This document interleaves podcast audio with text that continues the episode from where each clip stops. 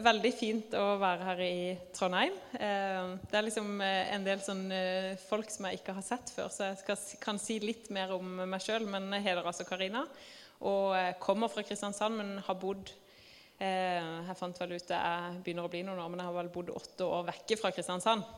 Og mest av de på Østlandet og bor i Oslo og jobber som lærer. Det er veldig spennende og kjemper hardt for å holde på dialekta. Så sist jeg var hjemme nå, så begynte jeg liksom å høre at, eh, at jeg hadde blitt litt for brei. Eh, fordi jeg fikk, Det var en gang jeg fikk høre at eh, jeg hadde liksom fått litt sånn østlandsk tonefall, og da tenkte jeg søren eller dette går ikke an.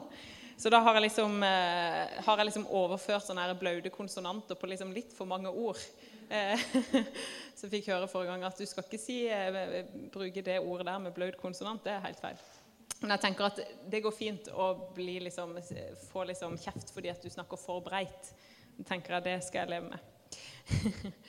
Men eh, forrige gang jeg var her i Trondheim, faktisk Jeg har, bare, jeg har egentlig bare vært her én gang før. Eh, og det var sånn her, eh, Jeg var her på sånn profetisk Viken sammen med sånn Oslo-folk. Og eh, da visste jeg at er det én ting jeg skal gjøre, det er i hvert fall jeg skal aldri flytte til Oslo. Eh, men når jeg var her Det var sånn et halvt år eller tre, tre kvart år før jeg faktisk flytta til Oslo. Men da ble det sagt at ja, det var sånn profetisk handling at jeg dro sammen med Oslo-gjengen her på sånn profetisk helg. Og det stemte. Så eh, eh, ikke lenge etter så bestemte jeg meg for å flytte til Oslo, og det har vært veldig bra. Så det er godt. Eh, yes. Du, Så spennende.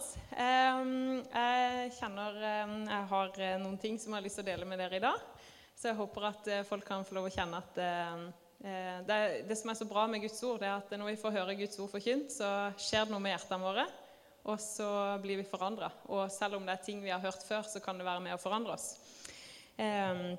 Og jeg skal snakke litt om trygghet i hvem jeg er. Og jeg har alltid Altså dette her med identitet og trygghet i, i, Jesus og Gud, det er kanskje noe som vi kan snakke om ofte, men det er bare eh, Siste tida, siste året, så har jeg bare kjent liksom så veldig på det der med at eh, ok, vi, vi, trenger virkelig å ha en trygghet i hvem vi er i Gud.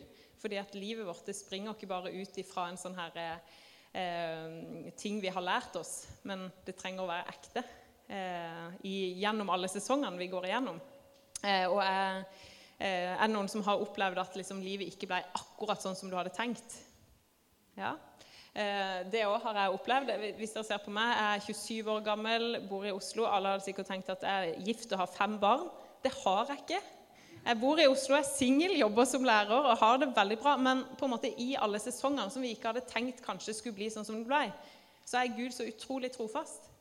Og så kan vi få lov å leve i de sesongene vi lever i med Gud med oss på laget. Og så kan vi få lov å kjenne Guds velsignelse i det vi står i. Og så kan vi ta de stegene som Gud har kalt oss til. Eh, så eh, og Den siste tida i, i, husgruppa mi i Oslo så har vi gått gjennom apostlenes gjerninger. så Vi har hatt litt sånn bibelleseplan, og så har vi eh, snakka om det. Og så har det vært så utrolig stilig å se bare åssen eh, de første disiplene til Jesus den tryggheten som de hadde. Ja, de hadde akkurat på en måte fått gå med Jesus, men bare den der tryggheten de hadde fordi de hadde sett noen ting, og så fikk de gå gjennom, med den gjennom livet. Eh, så jeg tenkte jeg skulle begynne med ei lita historie. Eh, er det noen her som har gått i speideren? Yes? Ja? Eh, noen? Jeg har eh, gått i speideren i eh, i hvert fall ti år av livet mitt. Um, og um, Du kan ta neste slide. Og så er det sånn at uh, Her ser dere jeg prøvde å finne noen fine bilder av hønsegjødsel og skjellsand. Fordi at I ti år av livet mitt så har jeg gått fra dør til dør og solgt hønsegjødsel og skjellsand. Er det noen flere som har gjort det? Nei. Um, og første gang tror jeg kanskje var når jeg gikk i sånn fjerde klasse. Og da er du ganske sånn Jeg var i hvert fall sånn ganske sjenert og liksom tenkte sånn her, hadde, Du hadde på en måte fått en sånn her, eh, liten sånn eh, lapp med hva du skulle si når du ringte på døra. Så jeg hadde liksom trent og trent på denne her, og de første gangene så gikk vi som regel to og to sammen. Og så kom du liksom, gikk du litt sånn her, eh, fram til døra, så ringte du på. Eh, og så var det 'Hei, Jeg er fra Randesund FSK og lurer på om du vil kjøpe skjellsand og hønsegjødsel. Det koster 50 kroner for skjellsand og 30 kroner for hønsegjødsel. Det var det jeg sa. Eh, ganske ordrett. Eh, og jeg tror, at, eh, jeg tror det var kanskje to typer folk som kjøpte av meg da. Det var de som kjøpte fordi at de venta på oss. Vi hadde en del folk som liksom venta på at Randesund FSK skulle komme og kjøpe hønsegjødsel og eh. Og så var det de folkene som kanskje bare i litt sånn medlidenhet ville kjøpe fordi at det sto noen sånn, sånn lita, litt nervøs jente på trappa. Ehm, men jeg hadde lært meg en sånn remse på hva jeg skulle si. Og så var det litt sånn skummelt i starten, så ble jeg ganske trygg på åssen jeg skulle si det. Og sånn tror jeg det av og til er med våre liv, at det kan være noen ting vi lærer oss å si. Og så er det ikke alltid vi har fått det helt inn på hjertet, eh, og at det er ekte liv. Men at det er så utrolig viktig at det, eh, de ordene vi sier, og det livet vi lever, at det er ekte liv. At ikke det er bare ting som vi har lært oss å si. Eh, men så er det litt, hvis jeg tar den litt videre, da, så etter hvert så ble jeg ganske trygg på dette her med skjellsand og, høns, og hønsegjødsel. Så etter hvert så eh, klarte jeg ikke å bare liksom nå inn til de som enten syntes litt synd på meg, eller som venta på meg, men jeg klarte faktisk å overtale en del eh, andre folk om å kjøpe. Fordi at jeg hadde etter hvert ganske mye kunnskap om skjellsand og hønsegjødsel. Så jeg klarte da å selge til enda flere enn de som eh, i utgangspunktet da ikke ville kjøpt. Eh, og jeg tror at sånn er det også med livene våre med Gud.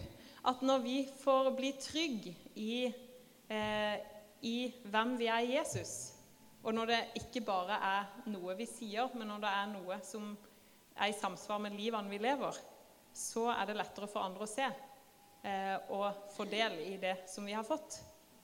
Eh, så Gud han har eh, gitt oss noe utrolig verdifullt. Eh, og det skal vi få lov å forvalte på en god måte. Eh, men det krever at vi bruker tid i, sammen med Jesus for å bli trygge i det som han har gitt oss. Det krever at vi bruker tid i Guds ord, og det krever at vi bruker tid med hverandre som søsken. Og en eh, historie fra Bibelen som jeg synes, eh, som har liksom inspirert meg Nei, jeg skal ta et bibelvers først. Nå hadde jeg sånn påminnelse her. Eh, jeg skal først ta et bibelvers fra Hebreerne 1, 1-4. For der står det mange ganger og på mange måter har Gud i tidligere tider talt til fedrene gjennom profetene. Men nå i disse siste dager har han talt til oss gjennom Sønnen. Ham har Gud innsatt som arving over alle ting. For, for ved ham Eh, skapte han verden. Han er utstrålingen av Guds herlighet og bilde av hans vesen, og han bærer alt ved sitt mektige ord. Da han hadde fullført renselsen for våre synder, satte han seg ved majestetens høyre hånd i det høye. Slik ble han mye større enn englene, for det navnet han hadde fått i arv, er så mye større enn deres. Eh, og det står det at, Men i disse tider så har han talt gjennom Sønnen. Og det der med at det er så viktig å vite hvilke stemmer er det vi hører på. Og jo, vi trenger å høre på Jesus sin stemme. Fordi det er han som taler til oss gjennom Bibelen, gjennom sitt ord. Og er, vi, vi, trenger å være bevisst på hvilke stemmer er det vi hører på. Eh, og vi trenger å høre på eh, Guds stemme. Mm. Eh, fordi er, vi møter utrolig mange stemmer rundt oss, både i samfunnet og ja, som, som ikke er rett. Eh, og da trenger vi å lære oss å skjelne. Hvilke stemmer er det som er fra eh, Gud? Eh, og da kan vi gå til denne boka her. Eh, så en, eh, eh, en historie fra Apostelens gjerninger Når vi har, har lest mye av Apostlenes gjerninger, så har det vært en historie fra Peter og Johannes. Eh, og Peter og Johannes eh, eh, de eh, hadde akkurat De har liksom en litt sånn bakgrunnshistorie. Du kan ta neste bilde. Fordi at de hadde akkurat få, fått henge masse med Jesus. De hadde, at, de hadde hengt med han mens han levde på jorda og sett masse mirakler og tegn og helbredelser og under. Eh, og så eh, hadde de opplevd at Jesus døde. Frustrasjon bare Hva skjedde nå? Jesus, som var vår eh, venn og De hadde jo hørt noen ting, men de hadde ikke helt skjønt det. Men så fikk de oppleve eh, oppstandelsen, at Jesus sto opp fra de døde. Og så sa han til dem at dere skal vente i Jerusalem til dere får Den hellige ånd. Og jeg kan tenke meg at de dagene der var ganske lange. Eh, når eh, Jesus hadde sagt at dere skal vente, og så satt de der i Jerusalem og tenkte sånn Ja, ja, hva skjer nå? Så gikk én dag, to dager, tre dager, fire dager, fem dager, og så enda lenger. Og så plutselig så får de oppleve at de blir fylt av Den hellige ånd. Og så får de et liv på innsida som ikke bare er teori, men de får ja, oppleve virkelig Guds kraft og kjenne på det der med at å ja, Gud han har ikke kalt oss til å stå alene, men han, har, han skal være med oss i alle ting. Um, og Så Peter og Johannes de går eh, opp til liksom, eh, tempelplassen i Jerusalem, som er en sånn eh, samlingsplass for mange folk. Også her så møter de en mann som har vært lam hele livet sitt, og da blitt båret framfor denne porten hver eneste dag hele livet sitt. Eh, og så kommer de eh, der, og de har liksom hele denne historikken veldig sånn tett på. Liksom, de lever akkurat midt oppi det hvor de, hvor de har fått Den hellige ånd, og de har alt bare så vanvittig levende. Så de er ganske sånn her, eh, ganske gira gjeng. Eh, men akkurat der så, så, møter de den mannen som da liksom håper at å, her er det noen folk, kanskje de kan gi meg noe penger.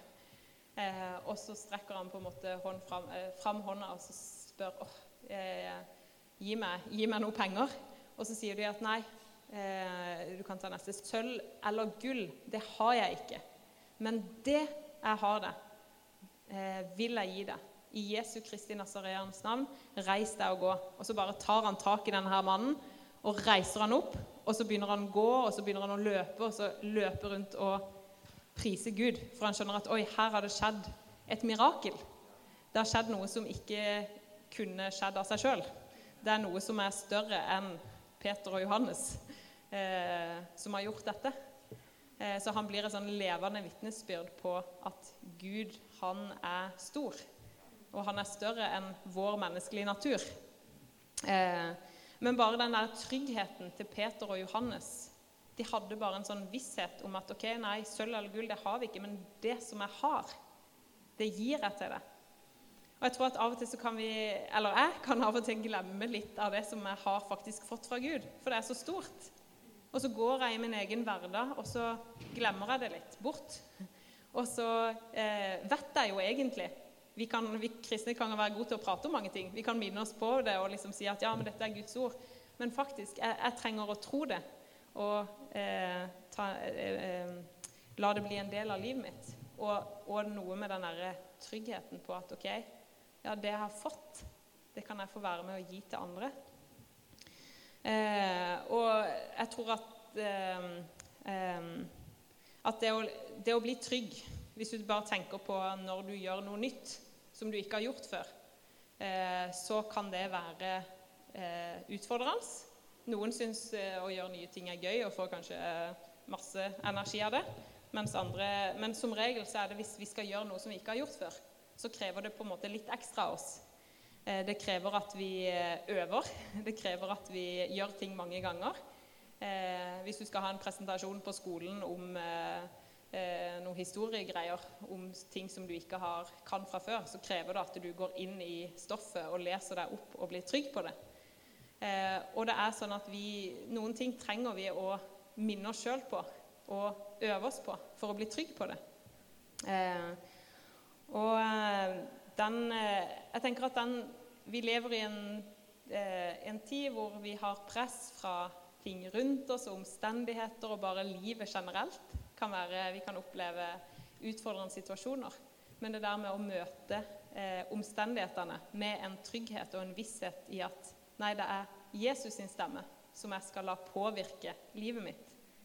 Eh, når det kommer til sist, så er det hans stemme som jeg skal la Eh, påvirke omstendighetene som jeg møter. Sånn at når vi møter eh, eh, ting i livet, så kan vi få bli stående fordi at vi har møtt Jesus. Og så vet vi at ja, men han er ikke avhengig av at, eh, at menneskelig sett ting legger seg til rette. Men han er bare avhengig av at vi eh, responderer på Jesus. At vi sier at 'Jesus, i denne situasjonen så er du min Herre'. I denne situasjonen så er det du som skal ha eh, makt over mine tanker. Eh, yes. Eh, og det, i forhold til det med trygghet, da, så hvis vi går litt tilbake til skjellsand og hønsegjødsel eh, Av og til så kan du kanskje klare å si noen ting eh, uten at andre ser at du er stressa. At, og det handler om Det kan skje med mange ting i livet. Av og til når jeg når jeg er et sted og snakker med folk, eller sånne ting, så kan folk oppleve meg som 100% trygg i alt jeg gjør. Og så bare vet jeg sjøl at det er ikke sånn jeg tenker. Jeg kan liksom gå rundt og være kjempestressa over mange ting, men det er ikke det folk ser. Så veldig ofte så kan det skje andre ting på innsida enn det folk opplever av oss. Og det at vi i de situasjonene der at vi både at vi er ærlige med oss sjøl og går veien i forhold til det å være ærlig med oss sjøl og andre i de tingene, så er det ikke alltid sånn at du alltid skal fortelle alt som skjer på innsida di, til alle. Det tror jeg ikke. Men jeg tror at vi, vi, trenger å være ærlige med livet vårt, sånn at vi ikke blir sånne folk som har på en måte en maske på utsida hvor alt er så fint og flott. Eh, men vi trenger å være ærlige med livet vårt, sånn at folk ser at det er ikke bare noe som jeg setter på når jeg møter folk, eller når jeg går på møte eller gjør de tingene. Men vi lever ekte liv. Eh, og det syns jeg er så fint med å komme hit og liksom oppleve liksom det familielivet, at vi er sammen i ting, og at vi kan dele, dele noe mer enn bare ytre ting. Eh, og det er fantastisk, og det er en stor velsignelse. Eh, og det er noe som vi virkelig må ta vare på. Eh, og jeg tror Det var kanskje noen av de tingene som jeg opplevde når vi eh, starta sånn husfellesskap i Kristiansand. Eh, for da var jeg vant til litt sånn her eh, eh, benkeradmøter og var vant til litt sånn tradisjonell eh, kristendom på den måten at vi, du kom på møte, og så gikk du hjem igjen og hadde på en måte de aktivitetene. Men det der med å leve et helt liv som en familie er så utrolig viktig. Eh, eh, og det vet Benedicte òg, som jeg var, eh, fikk være en del sammen med i Kristiansand. Men dette her med at eh, fikk komme inn i det der med at ok, det er, et, det er, et, ekte liv, det er et helt liv. Det er ikke bare et liv som vi lever sånn innimellom her og der, men det er et liv vi lever i hverdagen og med hverandre. Ut ifra en relasjon med Jesus. Eh, så en annen ting som jeg har eh, kjent mye på de siste par årene, det er dette her med å gjøre ting ut av en plikt. Eh, fordi at eh, liv med Gud, det eh, Vi snakker masse om at for å bli trygg i Jesus, så trenger vi å be. Vi trenger å lese i Bibelen, vi trenger å snakke med hverandre, og det er masse ting vi trenger å gjøre. Og er ikke det bra? Du, det er kjempebra. Det er kjempebra å be og lese i Bibelen så masse som du kan. Og jo mer du gjør det, jo bedre blir det. Eh, ja. Vi trenger å lese Guds ord, og vi trenger å be. Og vi trenger å gjøre alle disse tingene. Men vi må ikke gjøre det ut av en plikt, og fordi at det har jeg blitt fortalt at jeg må gjøre. Men vi må gjøre det ut ifra et liv fra innsida. Fordi at alle ting vi gjør, kan bli en plikt eller en sånn eh, som du bare krysser av. 'Nei, i dag har jeg lest i Bibelen. Check.' Men det er ikke bare det det handler om. Eh, og jo, det handler om det også. Men det handler så utrolig mye mer enn det. Og jeg hadde en periode i livet mitt eh, fordi jeg har vært veldig sånn flink pike og lest masse i Bibelen og fulgt masse bibelleseplaner og liksom skal gå gjennom Bibelen eh, både her og der. Eh, men så kom jeg til et punkt hvor jeg bare kjente at jeg var drevet av en litt sånn pliktoppfyllende følelse.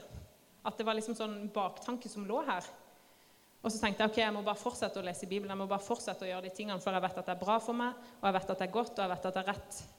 Men så kom jeg også til et punkt hvor jeg bare kjente at jeg er faktisk nødt til å skjønne sjøl at det ikke bare handler om plikt til å gjøre alle disse tingene. Så da, eh, for eh, ja, et par år siden så bare kjente jeg at nei, vet du hva, jeg skal ikke måtte lese masse i Bibelen hver dag fordi at jeg vet at det er bra for meg. Men jeg, det er faktisk relasjonen til Jesus som er det viktigste. Så om jeg ikke har lest i Bibelen i dag, så betyr ikke at er, det at jeg er en frafallen kristen. Eh, så jeg måtte, jeg måtte, gå gjennom en skikkelig runde med meg sjøl på de tingene. Og jeg tror det er noe som mange kan kjenne på, for det er hele ting som vi, kan, eh, som vi går gjennom eh, i forhold til det. Fordi vi vet at det er kjempebra å lese Bibelen, og vi trenger å gjøre det. Men det, det må ikke bli sånn at jeg hele tida går rundt og gjør det ut av plikt. Så jeg måtte ta noen runder med meg sjøl og si at Karina, det er helt greit. Du trenger ikke følge denne bibelleseplanen ut året. Du kan få lov å bare hvile i Gud og så fikk jeg lov å oppleve at Gud talte til meg gjennom Guds ord eh, og gjennom ting jeg opplevde, men ikke at jeg måtte rase gjennom en bibelleseplan eller måtte lese så og så mye hver dag. Fordi at jeg tror at livet med Gud det handler ikke om en sjekkliste som vi skal gjennom, men det handler om at vi tar Guds ord på alvor, og vi tar min personlige relasjon med Jesus på alvor. Eh, ja. Eh, så jeg eh, skal ta et bibelvers fra Galaterne 2, 19-20. Eh, for der står det Ved loven død... Nei, jo, ved loven døde jeg bort fra loven, så jeg kan leve for Gud. Jeg er korsfestet med Kristus. Jeg lever ikke lenger selv, men Kristus lever i meg. Det livet jeg nå lever som menneske av kjøtt og blod, det lever jeg i troen på Guds sønn som elsket meg og ga seg selv for meg. Så det er fantastisk. Vi er, har fått et nytt liv i Jesus. Vi er blitt korsfesta med Kristus. Vi har begravd vårt gamle liv, og vi er oppreist til et nytt liv sammen med Jesus. Vi får lov å dø i dåpen. Få lov å døpe oss eh, vekk fra det gamle livet og opp til et nytt liv sammen med Jesus. Og får lov å få Den hellige ånd, som kan få være med og lede oss. Men det der med at vi er oppreist til et nytt liv i Kristus. Det betyr at det er ikke lenger et liv som jeg skal eh, prestere og klare å eh, takle sjøl alene i alle ting. Men jeg skal få leve et liv sammen med Jesus og sammen med søsken. Eh, og det er så eh, viktig at ikke det blir et sånn et fasadeliv, men at det blir et liv som, hvor, hvor, vi er ærlige med, med oss sjøl, og at vi tør å snakke om de vanskelige tingene. Eh, er kjempeviktig. Eh, fordi det kan være mange ting som vi på en måte snakker om, som noen kjenner at 'yes, dette blir jeg supergira av', og noen kjenner at 'oi, dette blir jeg ikke så gira av'. Eksempel så kan vi ha eh, eh, Arne Skagen han skrev en sånn artikkel 'Vinn venner med vær deg selv'-metoden. Eh, og Der tar han opp litt av dette her med at eh, Eh, liksom, for vi har snakka mye om liksom, dette her med evangelisering, og vi trenger å nå ut. Og vi trenger å eh, ja, være med og se at folk blir frelst, og da trenger vi å gå ut på gata og forkynne evangeliet. Og det trenger vi absolutt. Men så er det noen som kjenner, noen kjenner at 'Yes, det har jeg lyst til'. Og så er det noen som kjenner at det der med å liksom skulle gå ut på gata og plutselig snakke med en fremmed. Og jeg tror at ja, Av og til så trenger vi kanskje å pushe oss sjøl i ting. Det, det, det, å tørre å snakke med, med folk om tro. Eh, men på en måte dette her med at eh, Vet du hva? Det handler faktisk om å være drevet av Den hellige ånd i ting. Jeg har et sånn eh, Bare eh, ta neste. Fordi I artikkelen hvis du har en til, så står det dette er eh, Fra artikkelen som Arne Skagen skriver, så skriver han dette er et liv i Den hellige ånd. Et liv hvor vi hver dag starter med ham og det han har gjort for oss, og ber Den hellige ånd om å bruke oss slik han vil. Da blir den beste evangeliseringsmetoden det jeg kaller for 'vær deg selv'-metoden. Og jeg synes Den er så fin, fordi det, det, handler om det der med at Gud han har kalt oss til å være oss sjøl. Og når vi blir trygge i det Gud har kalt oss til å gjøre, så blir det lettere å nå ut med 'vær deg selv'-metoden. Fordi at vi skal ikke eh, legge på oss en maske som vi skal liksom eh, ut og eh, ja, bli en helt annen person, og så skal vi pushe på noe. Men vi skal få være oss sjøl i det. Så skal vi være familie, og så skal vi få være frimodige med det vi har fått fra Gud. Uh, yes. Så det er ekte liv vi er kalt til å leve. Eh, og, så vi er kalt til å møte omstendighetene våre med en trygghet om hvem vi er i Jesus. Yes. Um, vi er Litt tilbake til apostelens gjerninger. Eh, der eh, eh, Som sagt så møter vi jo eh, både Peter og Johannes som frimodig forkynner evangeliet, og som eh, bruker alle eh, mulighetene de får til å forkynne evangeliet. Og så har jeg bare blitt så utrolig fascinert av eh, både frimodigheten de sin til å tale til folket. Altså De har sånn mange, mange, taler, både Peter og Paulus, hvor de taler til folket, eller hvor de står for rådet eh, fordi de eh, har blitt arrestert, eller eh, ja, for det de har sagt. Men så har de bare så bruker de hver eneste anledning til å bare fremme evangeliet. Og til å bruke enhver mulighet til å si noen ting om det som de har opplevd her inne. Eh, og jeg synes bare, Det har bare inspirert meg så veldig, både nå i det siste i sånn møte med media og ting som skjer i liksom, samfunnet her i Norge i dag, hvor det vi mener og tror på, er så utrolig radikalt og så utrolig kontroversielt i møte med alle tanker som veldig mange andre har. Eh, men det der med at åssen kan vi som menighet og som Jesu kropp, åssen kan vi være med og vise en trygghet i hva det er vi tror på. Eh, jeg, tror, jeg, tror, at vi trenger å være vise i møte med folk og vise i måten vi sier ting på. Men jeg tror også at vi skal være drevet av Den hellige ånd i ting. At vi skal få lov å be til Gud om å lede oss.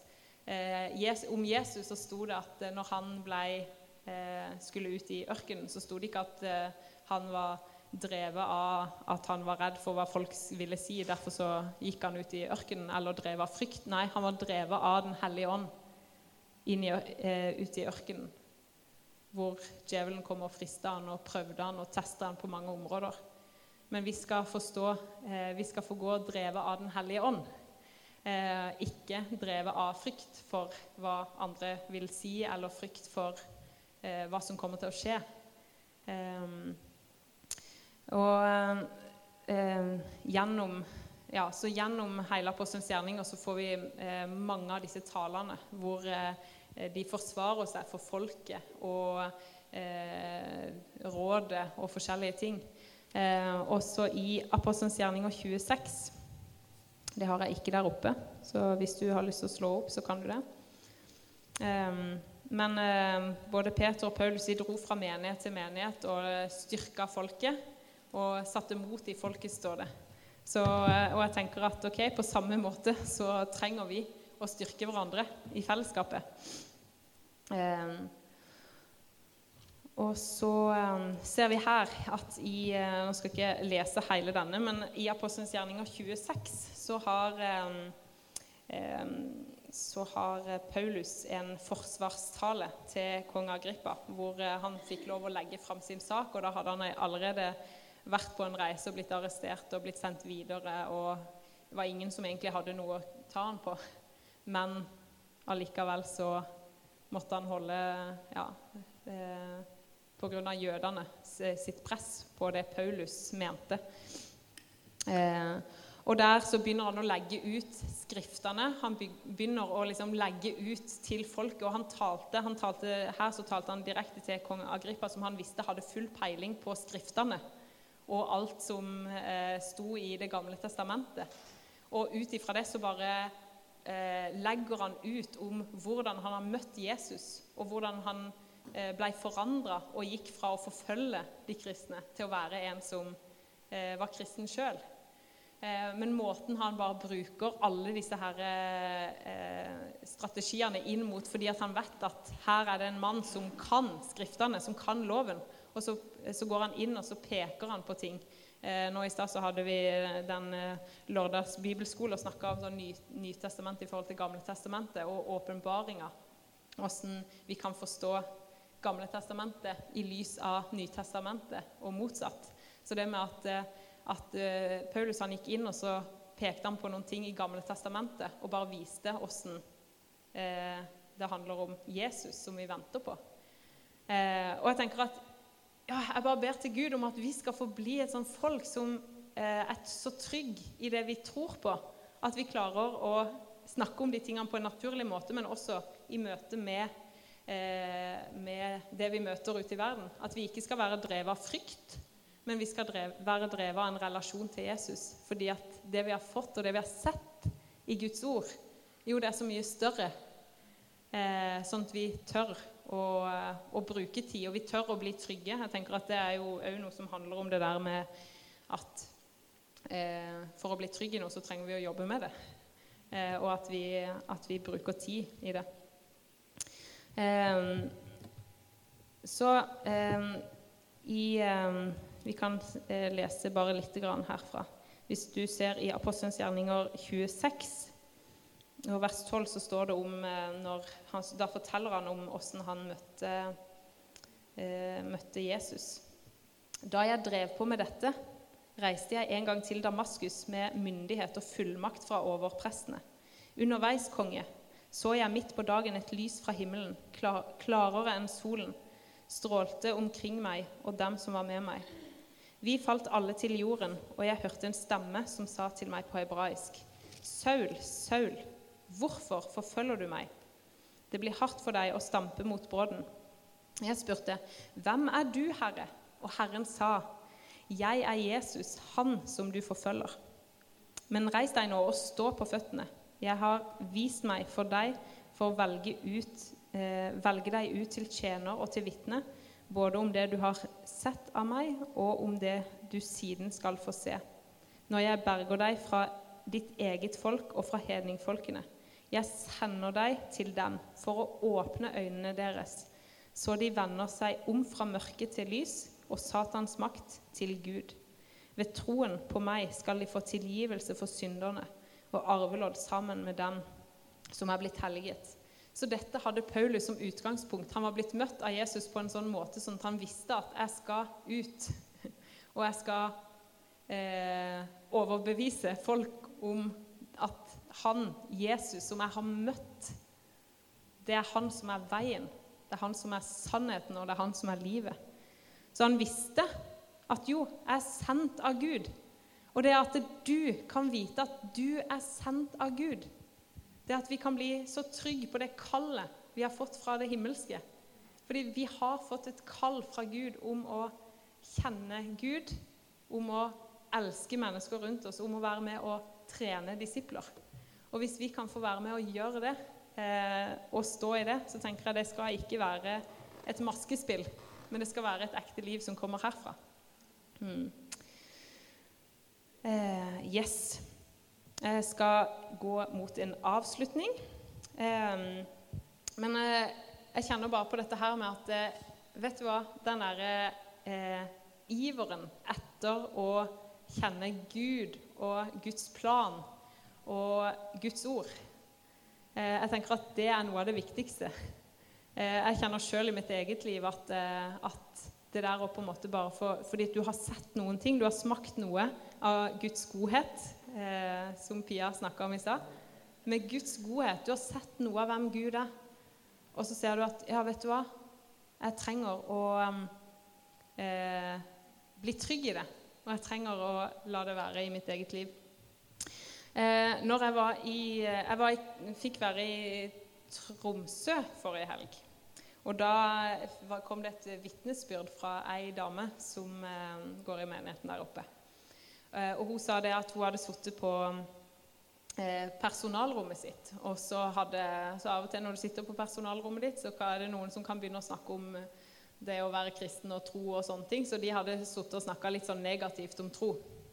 Og så hadde hun bare tenkt at Hvis noen andre sitter og snakker litt sånn negativt om tro, så tenker du åh, du har lyst til å si noe, så tenker du 'hva skal jeg si?' Eh, så hadde hun bare kjent på at eh, så, Jo, hun ble minnet på en lignelse fra Bibelen. Eh, og hun ble minnet på denne her lignelsen hvor eh, eh, det er en skatt som ligger i en åker, og dere kjenner eh, onkel Skrue. Eh, han er kanskje ikke en av de mest sjenerøse eh, som fins. Han er sånn her, ikke sant, bare gnien liksom det ene gull, eh, gullkornet han har. Det er liksom eh, eh, vil han ikke gi vekk, selv om han har 10 000 millioner som ligger bak seg. men det er en lignelse i Bibelen hvor det står om at en skatt som, det var en mann som fant en skatt på en åker. Og så visste han at 'Å, den skatten vil jeg ha'. Så han gikk, gikk, og så solgte han alt han eide, for å kjøpe seg den ene åkeren.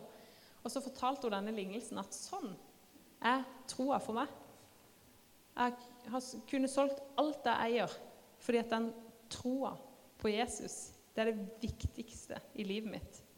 Og da ble det stille på personalrommet. eh, så kan vi få be til Gud. Gud, bruk oss der vi er. Bruk oss i de situasjonene vi står i. Eh, fordi at jeg vet at Gud han har kalt oss til å eh, bringe hans evangelium ut til folk. Og ikke fordi at vi driver med masse, sykt masse kule, flotte, fete ting. Det også.